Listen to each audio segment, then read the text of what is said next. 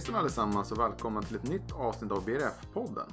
Det här är en podcast som görs av Fastighetsägarna Stockholm och tanken är att det ska fungera som en hjälp för dig som sitter i styrelsen att lära er mer om vanliga frågor som ni kan tampas med.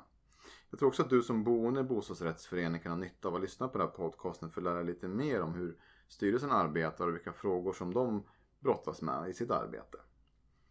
Idag ska vi prata om vattenskador som tyvärr är ett vanligt problem i många bostadsrättsföreningar, framförallt äldre. Med mig idag för att prata om de här frågorna är Ove Schram, fastighetsrättsjurist på Fastighetsägarnas Service med mångårig erfarenhet av bostadsrättsjuridik. Välkommen hit Ove! Tack så mycket! Vi brukar som alltid här i podcasten börja direkt med dagens ämne. Så jag vill börja med att ställa frågan, vad är egentligen en vattenskada ur ett fastighetsmässigt perspektiv? Ja, eh, ja, det är ju som det låter. Det är en skada som beror på vatten. Eh, och det som blir intressant med en, en sån skada är ju ofta att den sprider sig. Så den, den berör ju både bostadsrättshavaren och bostadsrättsföreningen. Just det, så att man kommer ofta in i ett, ett ansvarsfördelningsfrågor då. Mm, precis. Eh, och det är ju det som tvisterna brukar handla om. Det är vem ska ansvara för vad mellan föreningen och bostadsrättshavaren. Och inte minst vem ska betala vad. Mm, mm. Och om man skulle gå in på lite på det. Hur, hur brukar skadorna se ut och hur brukar ansvarsfördelningen bli uh, mellan å bostadsrättsinnehavaren och föreningen? Alltså det finns ett underbart instrument för att fastställa och det är ju föreningens egna stadgar. Mm. Ofta missar man den grundläggande saken att faktiskt börja med att titta i stadgarna. Stadgarna bestämmer vem underhåller vad. Just det. Och det gäller oavsett vad det är för skada. Om det är en vattenskada eller någon annan skada så gäller stadgarna. Och där kan vi helt enkelt läsa oss till vem som ska stå för vad. Och det innebär ju både att man står för rent fysiskt att se till att, att byta ut det som man ansvarar för och att betala för det. Just det. Kan det skilja sig i mycket i det området mellan olika stadgar och olika föreningar? Eller brukar det vara relativt samstämmigt? Det är ganska samstämmigt men visst finns det skillnader. I vissa föreningar tycker man att golvbrunnen ska ligga på bostadsrättshavaren och i andra att föreningen ska ta golvbrunnen. Så att det kan variera så att man måste alltid titta i stadgarna på den föreningen för att kunna säkerställa det här står bostadsrättshavaren för eller det här står föreningen för. Just det. Och hur brukar ansvarsfördelningen se ut mellan boende och föreningen i vanliga fall? Ja, det vanliga är ju att bostadsrättshavaren står för sina ytskikt. Men det som ligger utanför ytskikten det är ju föreningens ansvar. Alltså föreningen är ju ägare av huset och det innebär att föreningen ska se till att huset fungerar. Eh, att det inte finns fukt i själva stomme och konstruktion. Eh, men eh, det som är bostadsrättshavarens ansvar blir det som är i lägenheten. Det vill säga tätskikt, kakel, klinker, tapeter, färg och toalettstolar. Alltså sån inredning som finns. Ungefär där brukar fördelningen gå. Just det. Och det är klart man får inte heller lägga på en bostadsrättshavare ett ansvar som ligger utanför lägenheten. Utan det ska typiskt sett vara i lägenheten. Sen kan man alltid diskutera gränsdragningar. Det går ju. Mm. Och, vad, och det, vad händer då till exempel om det blir en läckage i grannens badrum ovanför och det tränger igenom till lägenheten under så att man måste då kanske riva ut kakel och utskick för att torka ur. Vem är det då som, är det då bostadsrättsinnehavaren som ska få ersätta det själv så att säga? Eller är, är det grannen eller är det föreningen? Det är en bra fråga det där. Ofta börjar man ju fundera över försäkringar men, men för att vi ska reda ut det juridiska så ska vi tänka bort försäkringar. Vi, vi låtsas som att det inte finns några försäkringar utan vi går rent strikt på det juridiska. Och då gäller ju stadgarna oavsett eh, skälen. Så i det fallet som du nämner då, den bostadsrättshavare som bor ovanpå står ju för sina ytskikt.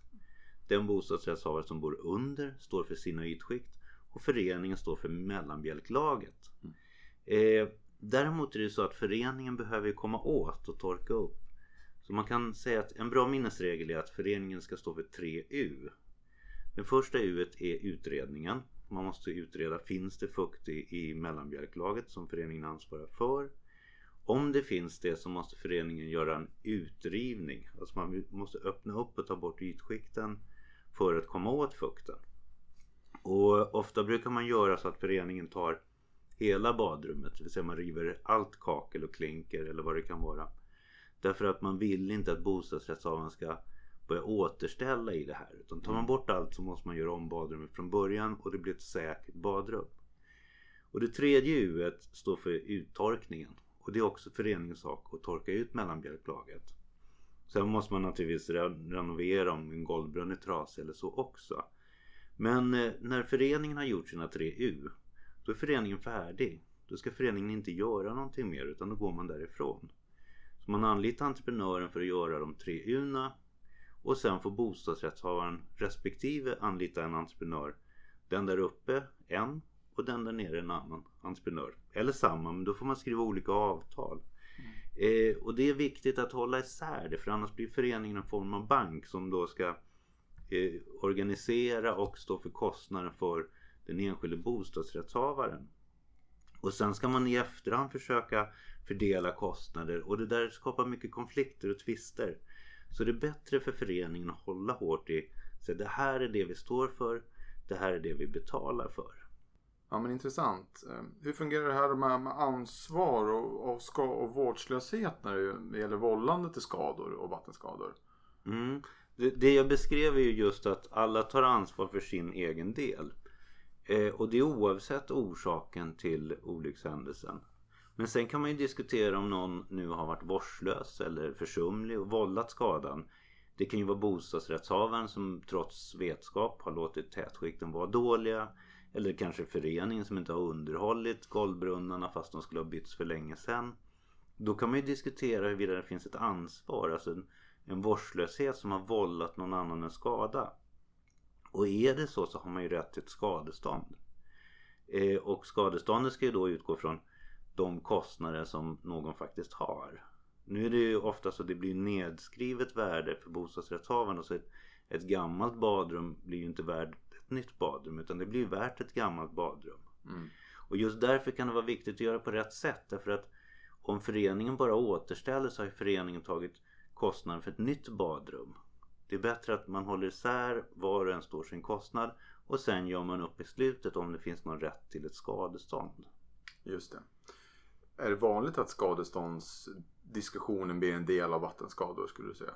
Ja, diskussion blir det ofta. Ja. För det är mycket pengar. ja. men, men det är svårt ofta med bevisning på, mm. på skadestånd. Och jag skulle nog vilja påstå att det vanligaste när det blir diskussion om skadestånd är sånt där det är svårt att täcka med försäkringar. Ja, just det. Kanske när vattnet kommer utifrån. Alla försäkringar i princip säger att man täcker inte utifrån inträngande vatten. Då blir ju kostnaden de facto på den som drabbas. Och då blir man ju naturligtvis mer frustrerad än om man har en försäkring som i alla fall täcker en del av kostnaden. Ja men just det, till exempel om föreningen har skött taket illa eller liknande om jag förstår mm. det rätt. Ja. Precis. Ja, har man inte underhållit taket eh, som man borde ha gjort enligt underhållsplan då kan man ju diskutera om föreningen faktiskt har varit vårdslös och kanske ska ta kostnaden för den som har drabbats.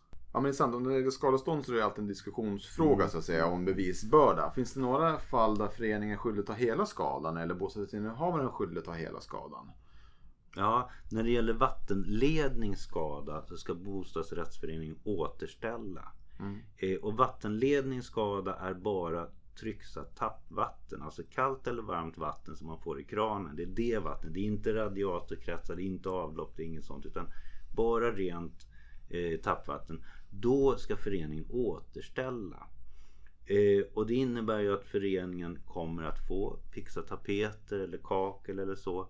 Och det kan drabba föreningen så att eh, då kan man inte ta betalt för det nedskrivna värdet utan då ska man återställa. Då får man betala det fulla värdet. Just det. Så det är ett viktigt undantag. Däremot är det så att om bostadsrättshavaren själv har ett ansvar i något vårdslöshet att, att det har blivit en vattenledningsskada. Då får han eller hon faktiskt ta kostnaden själv. Just det, om, om den boende råkar såga av vattenledningen. Precis, det händer ju att man borrar i, i vattenledning ja. eller sånt. Mm. Och då får man faktiskt stå den kostnaden själv i allmänhet. Mm. Ska man också bostadsrättsinnehavare vara skyldig att liksom tidigt uppmärksamma en, en pågående skada? Finns det någon sån aspekt i det hela? Eller? Ja, det kan du ju göra. Nu, nu blir det ju svårt med bevisfrågor alltid mm. sådana. Hur länge har du känt till det här och så. Men det är klart att det finns en skyldighet att rapportera om man ser att det läcker vatten i lägenheten. Dels kan jag tänka mig att det mycket väl skulle kunna leda till att man får stå åtminstone en del av kostnaden om man inte har rapporterat när man ser att något är fel. Just det. Slutligen då, är det någonting som du vill skicka med som ett medskick till föreningar som runt vattenskador? Uh, någonting man bör tänka på? Ja, lite av det jag var inne på. Att alltså titta på stadgarna vid de här skadorna. Håll isär ansvaret. Ta inte mer ansvar än man ska göra. Det är synd om folk som blir drabbade. Men det är kanske inte meningen att kollektivet ska bära de kostnaderna. Den enskilda individen har ju i allmänhet egna försäkringar i form av bostadsrättstilläggsförsäkring. Självrisken på dem är ofta ganska låga medan föreningens självrisk för fastighetsförsäkringen är ganska hög. Det är viktigt att det här kommer på rätt ställe och sen går in på rätt försäkring. Så håll isär, det är väl det rådet jag har. Mm. Ja men jättebra. Då ska jag känna mig nöjd för idag. Tack Ove för att du tog dig tid att komma hit. Tack så mycket. Tack tack, hej då.